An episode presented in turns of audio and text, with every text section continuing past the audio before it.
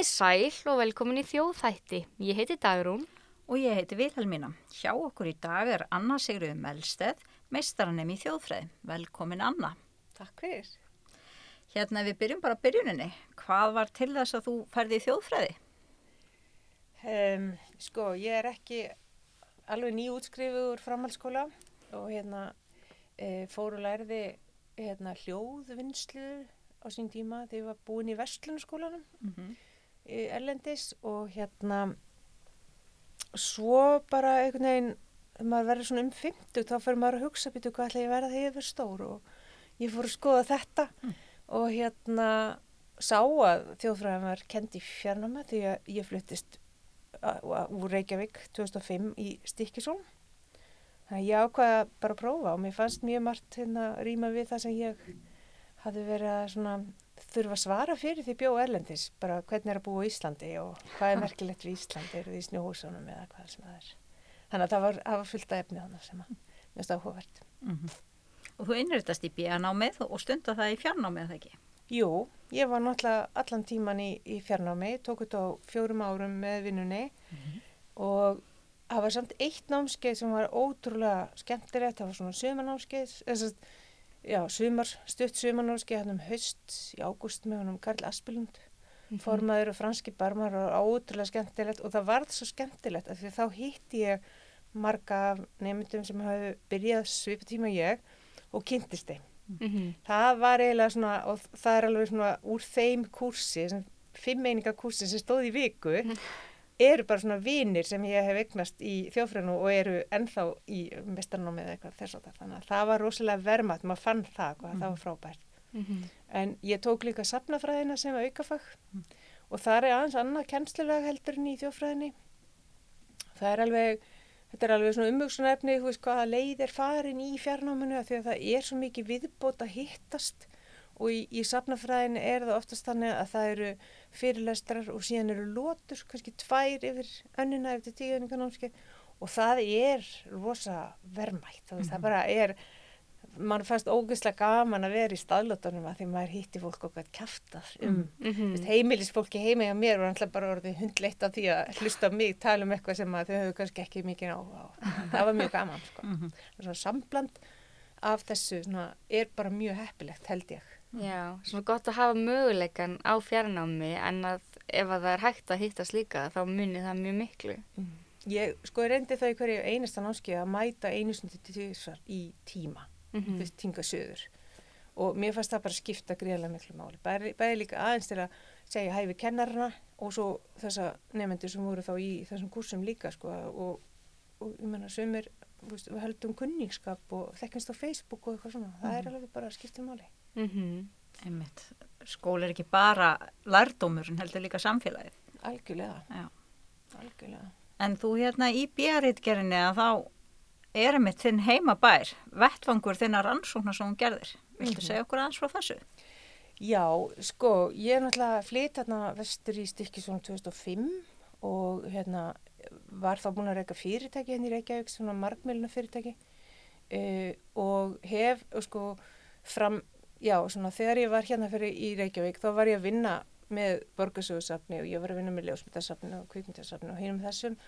Og svo þegar að uh, netsamband lagaðist aðeins, það er ekki samt ljóslegara, við erum ekki komin alveg þangað í sögunni, að þá ákvaðum við að flytja í hólminn og maðurinn minn er þaðan og, og auðvitað algjör lúksis að fara með börn í svona litlu samfélagi og með ömmu og afa bara sem í göngufæri og svona, þannig að það var líka að vera ótrúlega gott múf á þeim tíma. Uh, og í stikkisvölmi er náttúrulega, hann er náttúrulega alveg þekktur fyrir gamlar byggingar. Mhm. og bara frá mínum fyrstu kynnum við stikkisólm þá, þá fannst mér alltaf svo gaman að fara í byðarsafni í Norskahúsið og það er bara svona ykkur sjarmi sem að manni fannst bara heillandi og, og síðan náttúrulega þegar við flytjum þangað þá svona náttúrulega horfum maður þetta svolítið frá öðrum augum. Uh, það er fara náttúrulega fram í gang umræður um sko hvað er fallegt og hvað er ekki fallegt Mhm. sem náttúrulega gríðarlega tilfinninga þrungin umræða og, og sitt síns hverjum. En sko, ég ætlaði ekkert að fara að skrifa um þetta, Mhm. alls ekki, sko, en svo er bara auðvitað kursatinn sem ég tók í, í náminu, menningararfur meðal annars hjá þér og, og Ólafi, að þá fannst mér þetta svo áhugavert og, og hérna, uh, ég ættir að reykja á Þingvelli, hérna, í þjókarðinn og, og mér fannst alltaf svo rosa skríti, sko, hver ákvað hvað ætti að standa áfram, Mhm. af því að sagt, síðasti bærin í þjóðgarðinum var rifin af af svona yfirbóðun í rauninni og kemur á ofan að það er rífa því þetta er orðið þjóðgarður og það var okkur sagt, bær langamis og manni fannst þetta alltaf svolítið svona óreittlátt og þannig að þetta var eitthvað svona hver ákveður þetta, hver er réttilega ákveð þetta? Og, og það náttúrulega í námskeiðinu menningararfin kemur svo stert inn í umræðina hver setur leikreglunar Mhm. og hérna, eða hvers mat er það sem liggur til grundvallar á því hvað á að geima, hvað úrval er það sem við viljum sína, þetta er líka performance. Og hérna, þannig að, já, það er svona varð úr að, ég fór að skoða þetta, mér finnst þetta mátaðist áslega margt við það sem ég bjó í þeim veruleika sem ég bjó í stikkisvörmi Mhm. og sérstaklega þegar vorum að svona, skoða hérna og áþreifanlega menningararfin og, og hérna og selfoss og þetta allt saman. Og ég bara, það var svona ákveðni hluti sem að bara spekluðust aldrei í mínu samfélagi. Þannig að hérna, það varð úr að ég fór að skoða það og það var náttúrulega líka búin að vera um, ekki kannski, jú, það má kannski alveg segja að vera átök í bæjarlífinu um byggingarframkvæmdir Mhm. og þar er mitt kom inn þessi umræða, veist, það sem mér finnst fallegt og það sem þér finnst fallegt Mhm. og, uh, og það var líka svona þessi umræða um að byggja í gálnum stíl Mhm. það hefur alveg verið gert ég bjó hérna í Vínarborg á, í tvö ár þegar ég var að læra þegar ég var ung og þar fannst mér óslulega fyndið þegar ég kom staði að hérna, þar eru ekki allar byggingar frá þeim tíma sem er endurspegla Mm.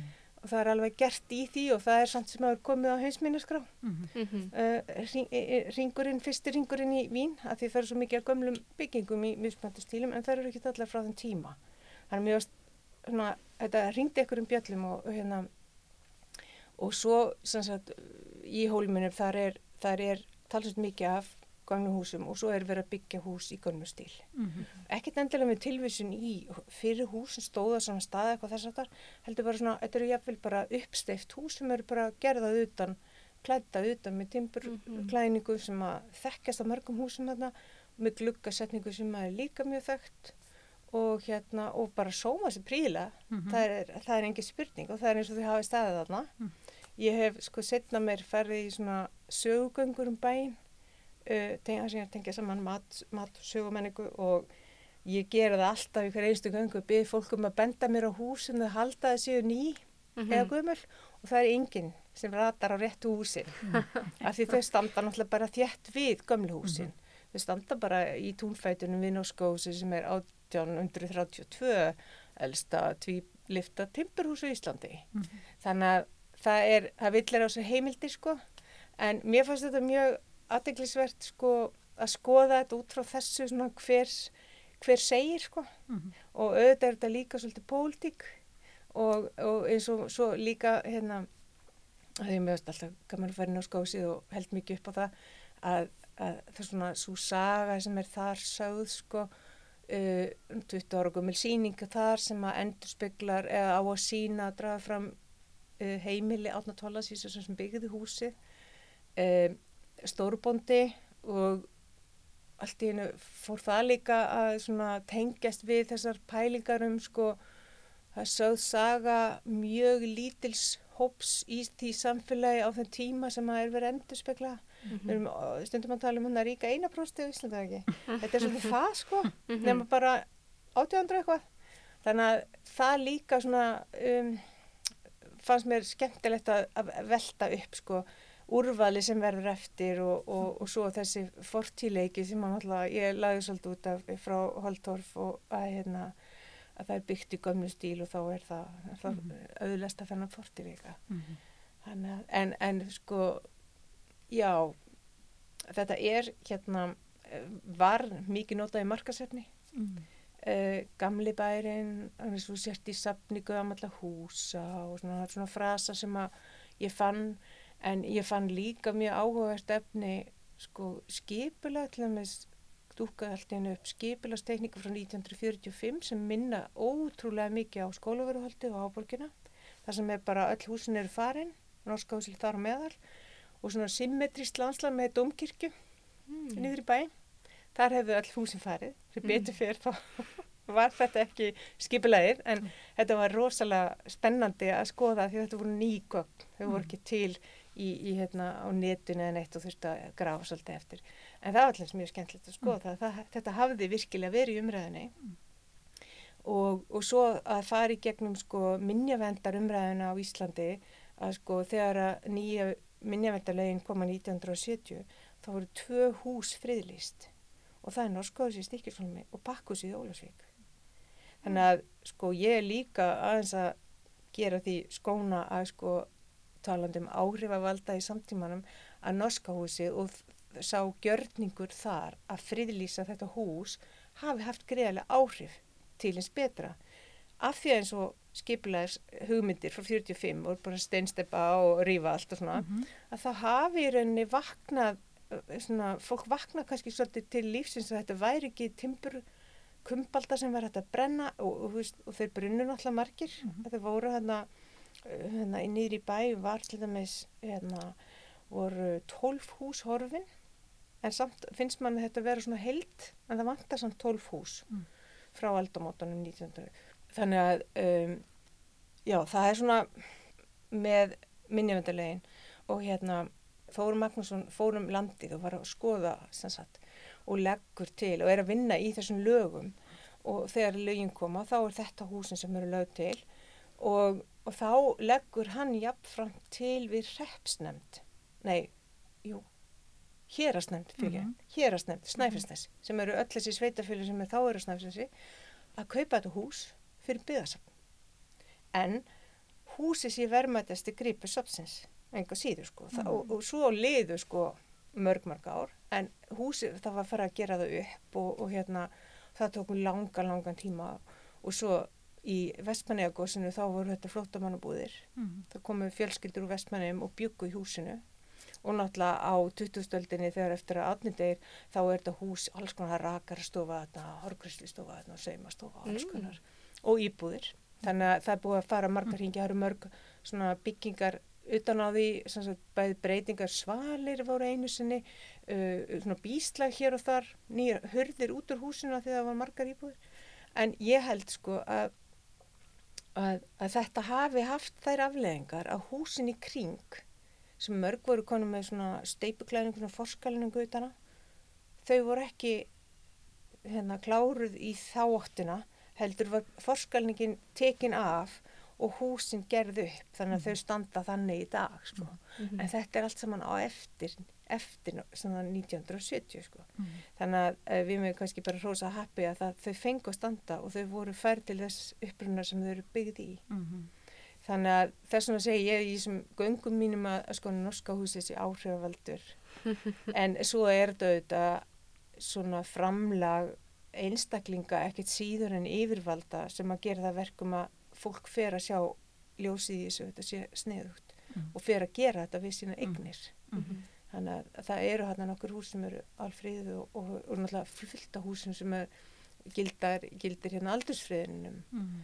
þannig að, að þetta var svona mjög skemmtilegt og, og ég náttúrulega auðlaðist mikla þekkingu um þennan heimabæ minn og, og, og, og, og sem, sem að ég er þá nota í mínu vinnu meðal annars í dag Mhm. en, en já, já, en svo er þetta náttúrulega alltaf bara hverjum þykir sinn fuglfagur og, og hérna og allt fer þetta ljómandi vel með Mhm. því sem fyrir er Mhm. þannig að, að hérna, já Já, og svo er þetta kannski líka einhver svona ímyndarsköpun eins og þú segir sem er mjög áhugaverð. Mm, algjörlega, þetta er náttúrulega að því þarna um 1990 sko þegar ferðarþjónusta, sko, Stikisólmur er alveg gammal ferðarþjónustu bær.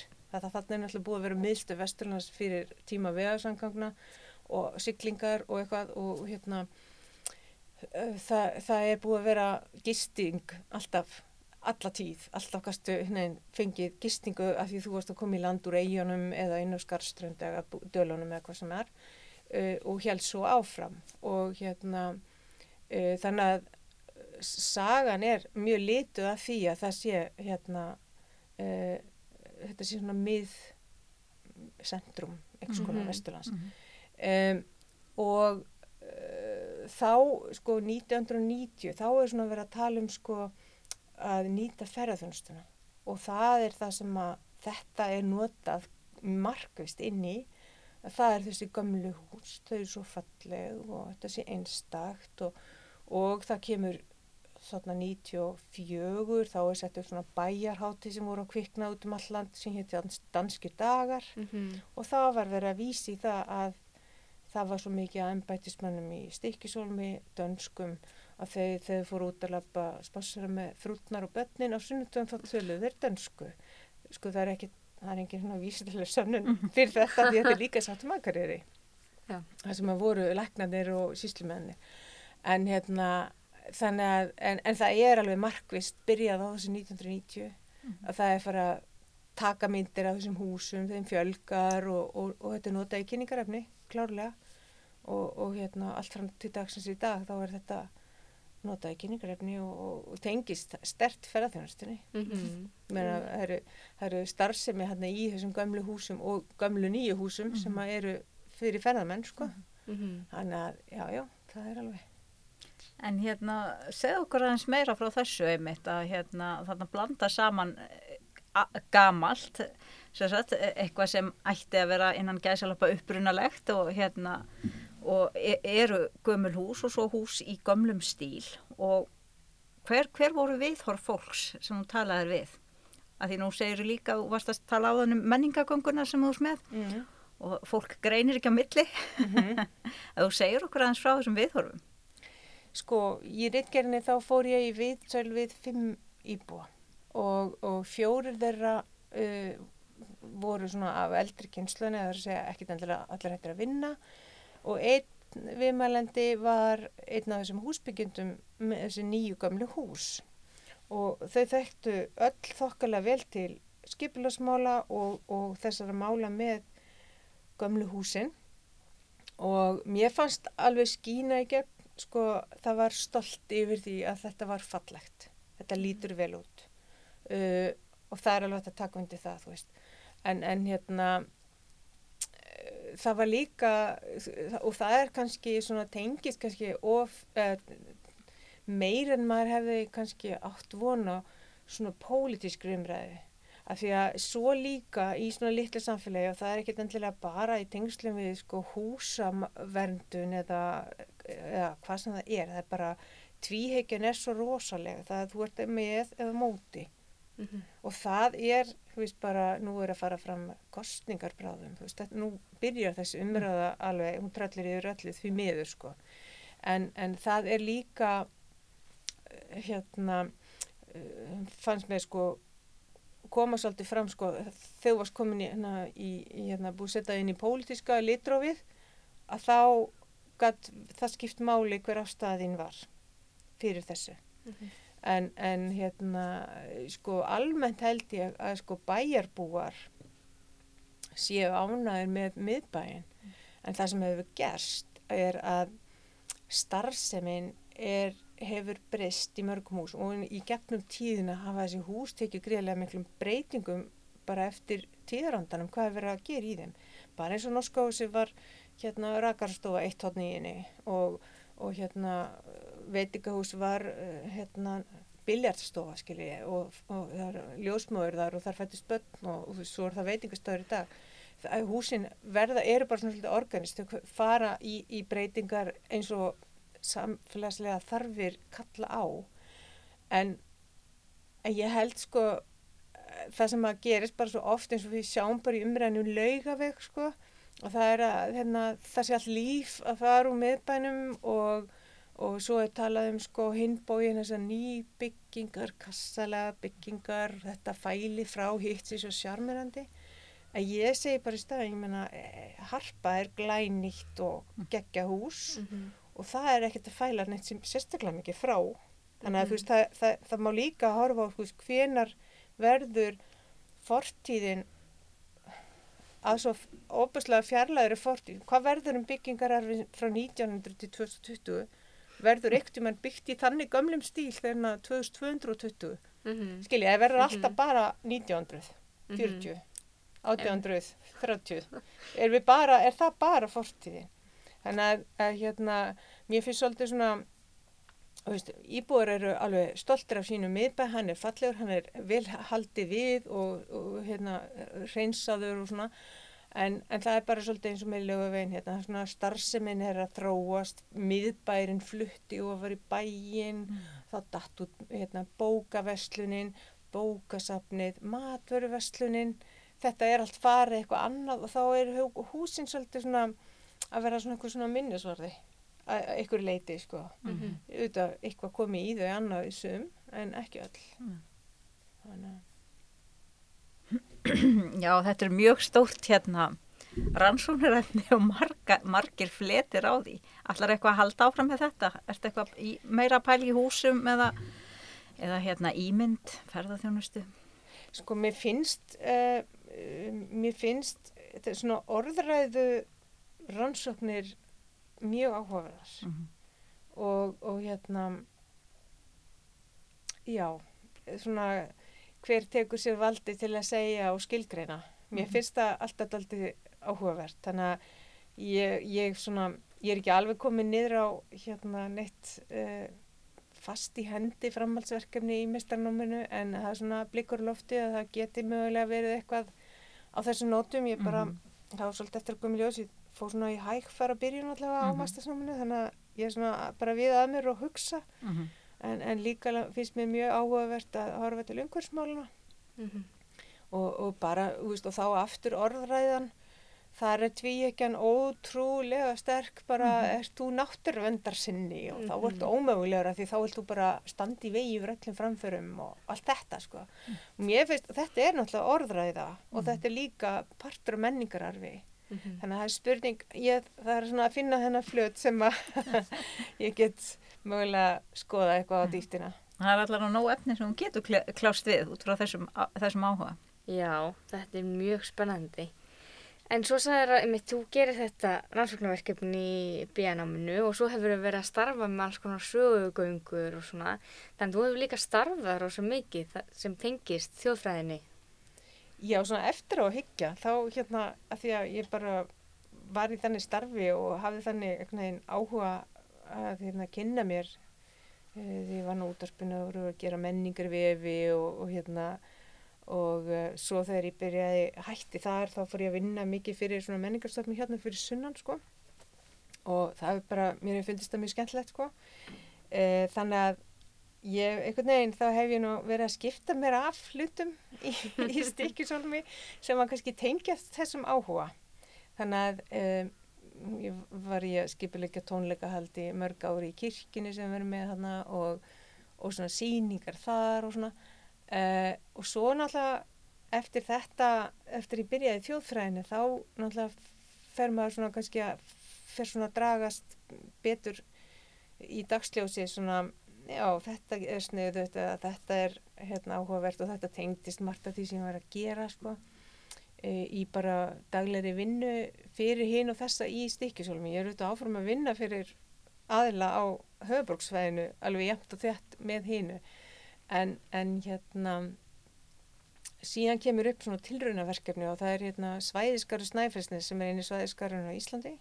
E, fekk styrk til að gera þróunaverkefni um matargöngur og það var semst að setja upp matargöngur í öllum beðagjörnum og jáfnvel bara líka ekstar á búðum eða ekstar út í fjöru og, og, og, og hérna horfa á staðbundi ráfni og er náttúrulega nóga því á þessu svæði náttúrulega með breiða fyrir þinn matakistuna og mjög framústefnulega hérna, veitingahús sem að hafa nýtt sér og gert tilrunir og byrja að rækta þarna bláskel fyrir nokkuð mörgum árum síðan sem er bara orðin fastu liður í dag.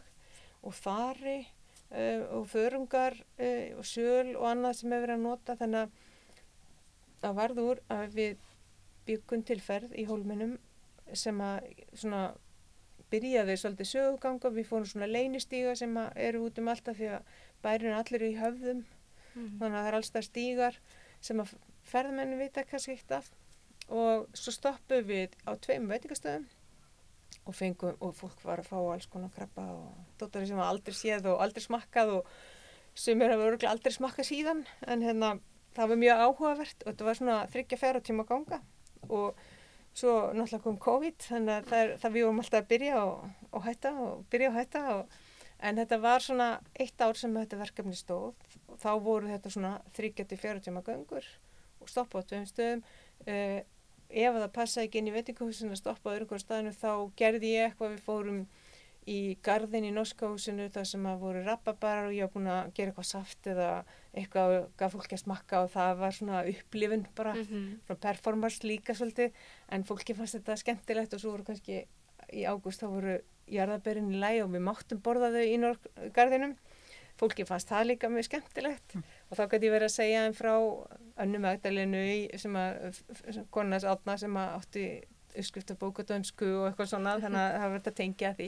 Þannig að það hefur svona þróast skemmtilega það verkefni og, og í kjölfarið sko hefur bara í raunni komið svona verkefni þar sem ég beðin um að taka hópa.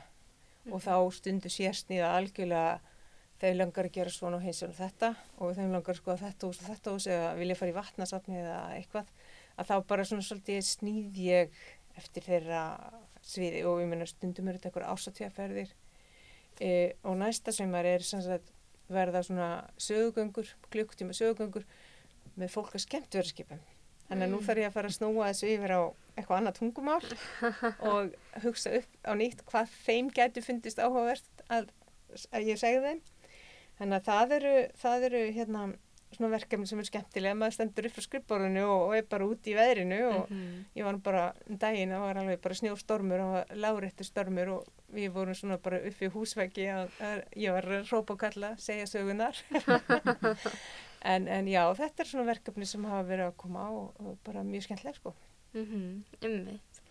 Og núna, e, þú erum nefna Norska húsið nokkur sinnum og þú ert núna að vinna með þeim, er það ekki? Að því að sýningin er eins og þú sagðir orðin 20 ára gömul og núna á að fara að breyta henni. Já, það er hérna Norska húsi sóttu um uh, önduði styrkja safnaræði sem sem að fjækst og, og hérna og uh, ég sitt nú hana í svona einhverju safn- og menningamála nefnd fyrir bæinn þannig að ég er stundum að tala um safnamálinn sem ég veist ekkert leiðilegt en hérna ég hef alltaf verið að vinna fyrir allar þessar stafnarnir í bænum. Og hérna svo náttúrulega er ég komin í þetta nám og hún Hjördís fórstu maður í náttúrulega líka þjófræðingur í grunninn. Þannig að hérna, ég kom inn í þetta verkefni svona í svona undirbúðshóp að hérna að ræða sagt, hvernig væri þetta nálgast að gera nýja síningu, grunnsýningu. Þessi er þetta búin að standa í 20 ár sem er rosalangu tími en ég meina hún er alveg falleg, við tölum aftur um fallegt en það eru náttúrulega ekki rosalega margir sapgripir inn á henni. Hún er svona hérna, svona uh, sviðsetning í rauninni og, og, og, og fín sem slík sko. En þannig að það hérna, og hún alltaf endur speklar í rauninni bara þetta eina prósent og bara úr stikkjólmi. Og þetta er byggðarsaft sem er í eigu allar sveitafélagana á Snæfellsnesi sem eru fimm, sem eru fjögur núna. Mm. það búið saman eitt, saman eitt hann að tvö uh, um daginn. Og, uh, og þá náttúrulega kemur það upp í uh, þessum hópi sem var í undirbúningnum sem var á öllu nesinu að sko þetta safn í rauninni eigi að sinna breyðari sögu Mhm. og það er náttúrulega bara svona út frá safnafræðinni þá er það náttúrulega hitt er orðið svolítið old school að vera með svona síningu um personu, einhverju tvær personu sem voru fyrirmenni veist, og það er eina safnið viðkjönda safnið að stæfisinsi og það er bara með þetta þannig að það var strax hérna svona umræða og búið að skoða þær síningar sem eru í gangi á nesinu og það var svona ég held að sé ótt að segja það að það var ákveðið að færa sig til 20. aldarinnar og horfa á um, svona líf fólks að snæfisinsi á 20. og 21. öldri. Mhm. Uh, meira er í rauninni ekki hægt að segja um efnið en, en ég er sem sagt að, að undirbúa hérna handritið og er að fara í sem sagt rannsóknir, ég er nýti rannsóknar viðtöl úr rítgerinu minni, björritgerinu þetta er Mhm. alveg, þetta verður margnýtt sko, þriðja eða fjörður sem ég er að nota þau sem heimildir. En, en um, að því þar var hérna svona verið að ræða um tíðaranda og það er hérna bara svona eins og hvað fólk gerði. Þannig að það er þjóðfræði. Mhm. bara hvert fóruðu á ball og, og þetta sko. Þannig að, að hérna en ég er uh, að skipilegja vitlisrannsók um snæfsnes þar sem að ég er að tala við fólk af mismunandi kynsluðum og úr mismunandi, af mismunandi svæðum. Og það leggur grundvöllin að þessari síningu og líka hvers konar munir úr sapning sem var svolítið atrið líka að, að nýta munir úr sapningninni uh, til að styðja við þá frásök sem þar er í gangi.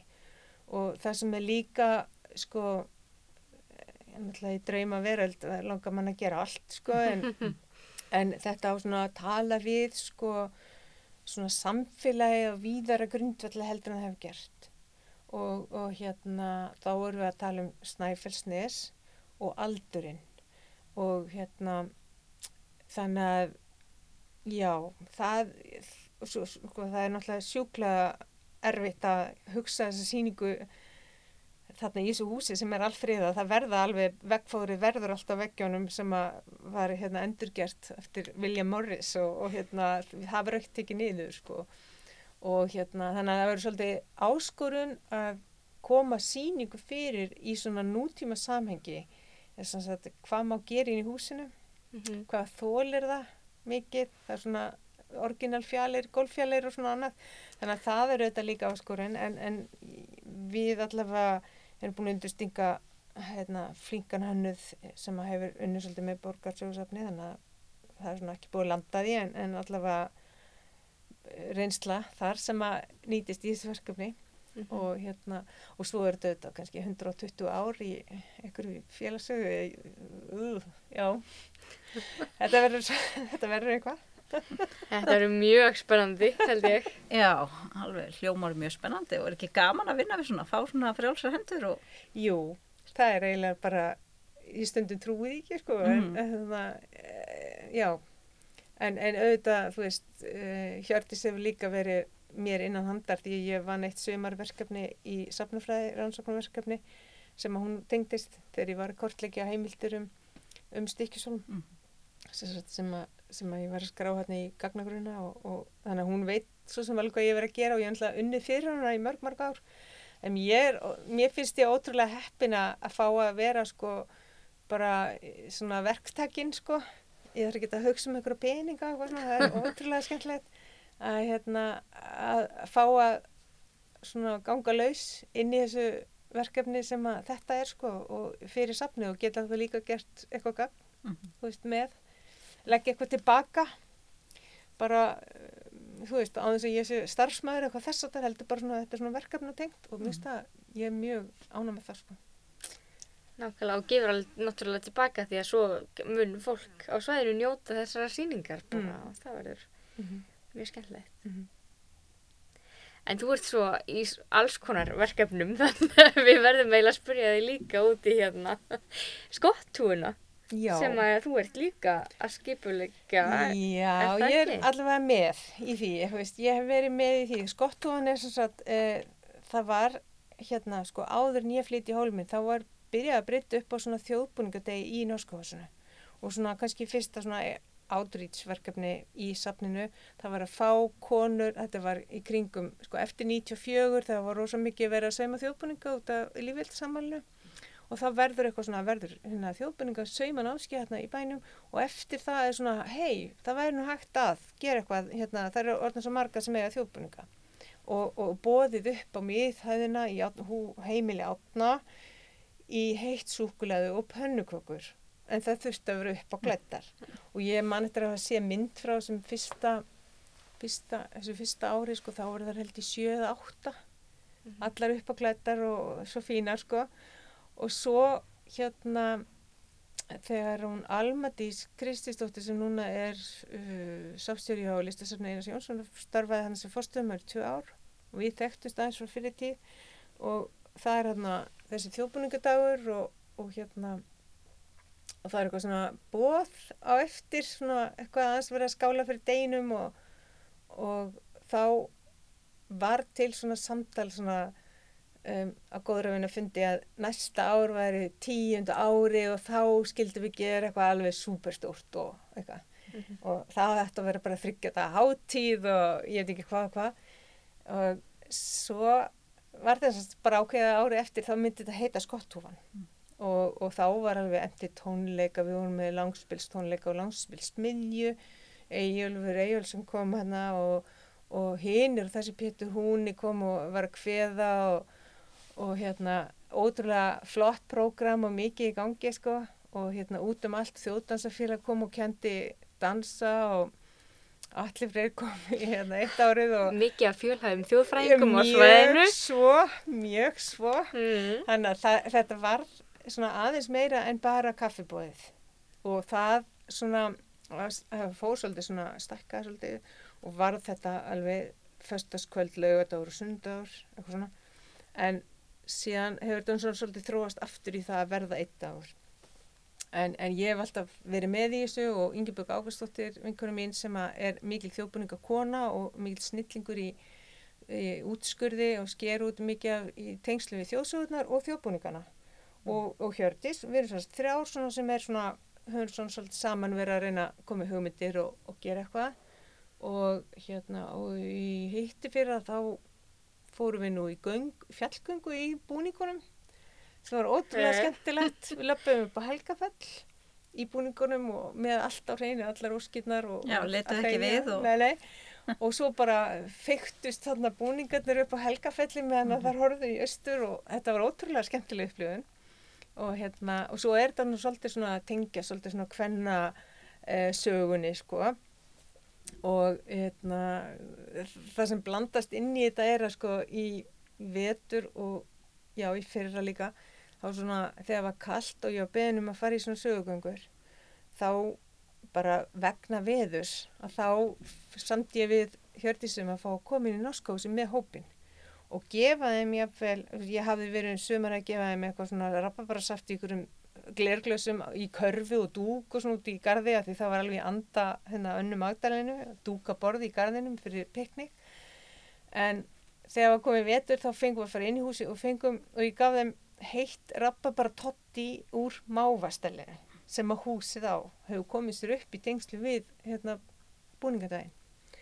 Og þetta var einhvern veginn svo komið svo í opna skjöldu að fólk sko, sem er ekkert vendilega með áhuga á gömlu eða búningum eða söpnum ég var með þau þessi göngu og þau bara eru með hérna, þetta klikkaða stell og bara hafa bara byrjað að taka Instagram alveg út og söður og mér fannst það ótrúlega fyndið. Af því að þetta var einhver upplifun að sitja hérna í þessum fínu stólum inn í sapninu drekkand úr eitthvað svona fínu, fínu.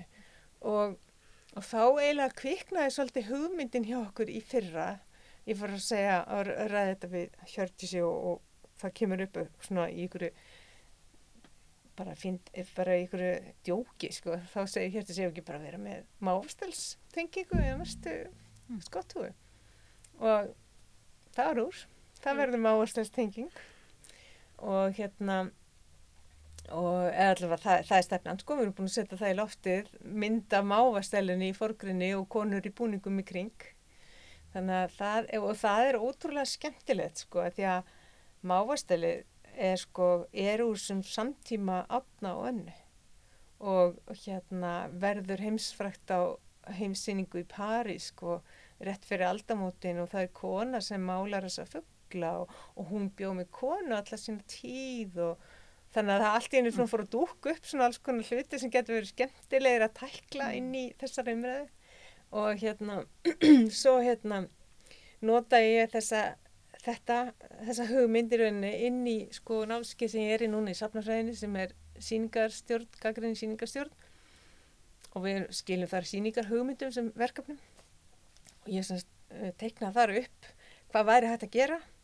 Og, og, og það er náttúrulega bara eins og Hjördis var að nefna sko að, að hvar er máfurinn innblástur listamönnum til dæmis eins og þessi Ingibjörg sem ég var að segja ykkur frá hann sem er að skera út hún ætlar að gera að listaverk fyrir þessa síningu og þá í, í, í, í úr samtíma Fanny Garda sem málaði mávin á stellið og það er svona svolítið annað, annað tímabil heldur en kannski hérna, þjóðbúningarnir er að, tala um sko. En uh, síðan erum við aðra listakonu sem að hefur gert listaverk og ma- máva sem sagt listaverk og fá það lánað og svo kom bara upp í hugan hérna, platan Mávastælið með grílunum sem kvenna hljómsveit og, uh, og bara á hverju kemur mávurnandinn þetta er nú ekki einhvern veginn svona fuggl sem er eitthvað uppáhaldsfuggl hjá mörgum sem að síður sé. Þannig að það er svona líka þjóðfræði máf, máfsins sko, sem að geti verið eitt punktur. En, en ég sem sagt dró upp í þessu verkefni mögulegana Mhm. og, og hérna og þá svona kom upp, já, væri nú ekki líka sniðut að, að tala við samfélagi byrðu með að segja okkur, byrðu, hvernig sparast til að þú? Af hverju átt þú þetta stel?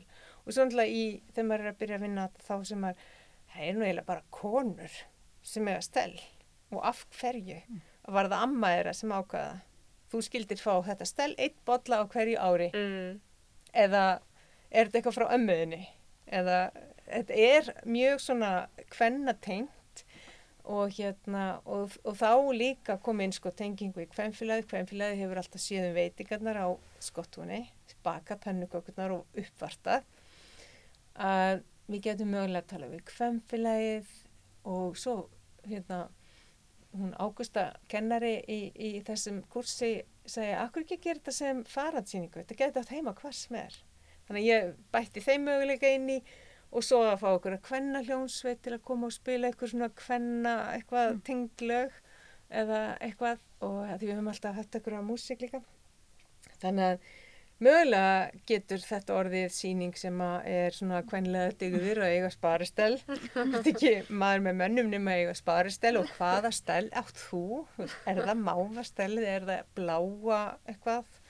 kortblómið eða hvað veit ég sko, Mm. þetta er alveg og það er alveg svona kultúr í kringum þetta í Danmarku, og þessi löngu hætti framleyslu, þá er bara þetta er bara fjárfesting að kaupa mávastælu þegar þú getur alltaf selta það. Gengur kaupum og sölum. Og hérna þannig að kannski verður bara til faransýning sem getur, þú fyrir með eitt bolla á stað og svo kemur samfélagi með sína bolla og segir sína sögu af hverju og hvernig og notar það eða notar það ekki. Ég fann líka slatta af, af hérna, efni í spurningaskrám Mhm. um þetta, það var rifjað upp já það var til sérstætt sparistel sem var gengt í þessum skápinni stofu og bara nota á jóladag Mhm. eitthvað svona Mhm. þannig að það er, það er fyllt af hlutum í þessu sem getur verið gaman að, að, að skoða En segð okkur hérna, hvenar er þessi hátíð, skottúu, skottúan? Skottuan, hún er annan júli í sumar og er á lögadegi Ok. og það verður sko ótrúlega mikið fjöribæðinu því það er landsmót harmoniku unnenda líka og það Já. eru hérna það er hérna plön hjá ákveðnum þjóðfræðinemum á mistarastíja að koma með hópa ungu fólki sem hefur áhuga að dansa þjóðdansa og dansa sér sko skóna á hérna, þessari harmonikuhátti en taka líka þátt í skottunum þannig að það verður kannski mögulega mikið af ungu fólki sem er þetta mjög Já, skemmtilegt. geggja, við hvetjum bara öll til að skella sér á stikkisónum þessa helgi. Ég ætlaði einmitt hérna rétt í lokina því að þessi þáttur og þetta viðtal hefur nú hverst ansi mikið um stikkisólm og hérna ég vissum að það eru margir spenntir fyrir því að annarkort heimsækja skottu og nátaka þátt í þessari hátíð, skoða norska húsið eða gömlu og nýju húsin í bænum að þú nefndir áðan hérna Helgafell og að þið hafi hérna gengu hópur kvenna upp á Helgafell í, í þjóðbúningum og hérna það er skemmtileg hjátrúi mitt varðandi göngu á Helgafell. Viltu í lokin segja okkur frá henni?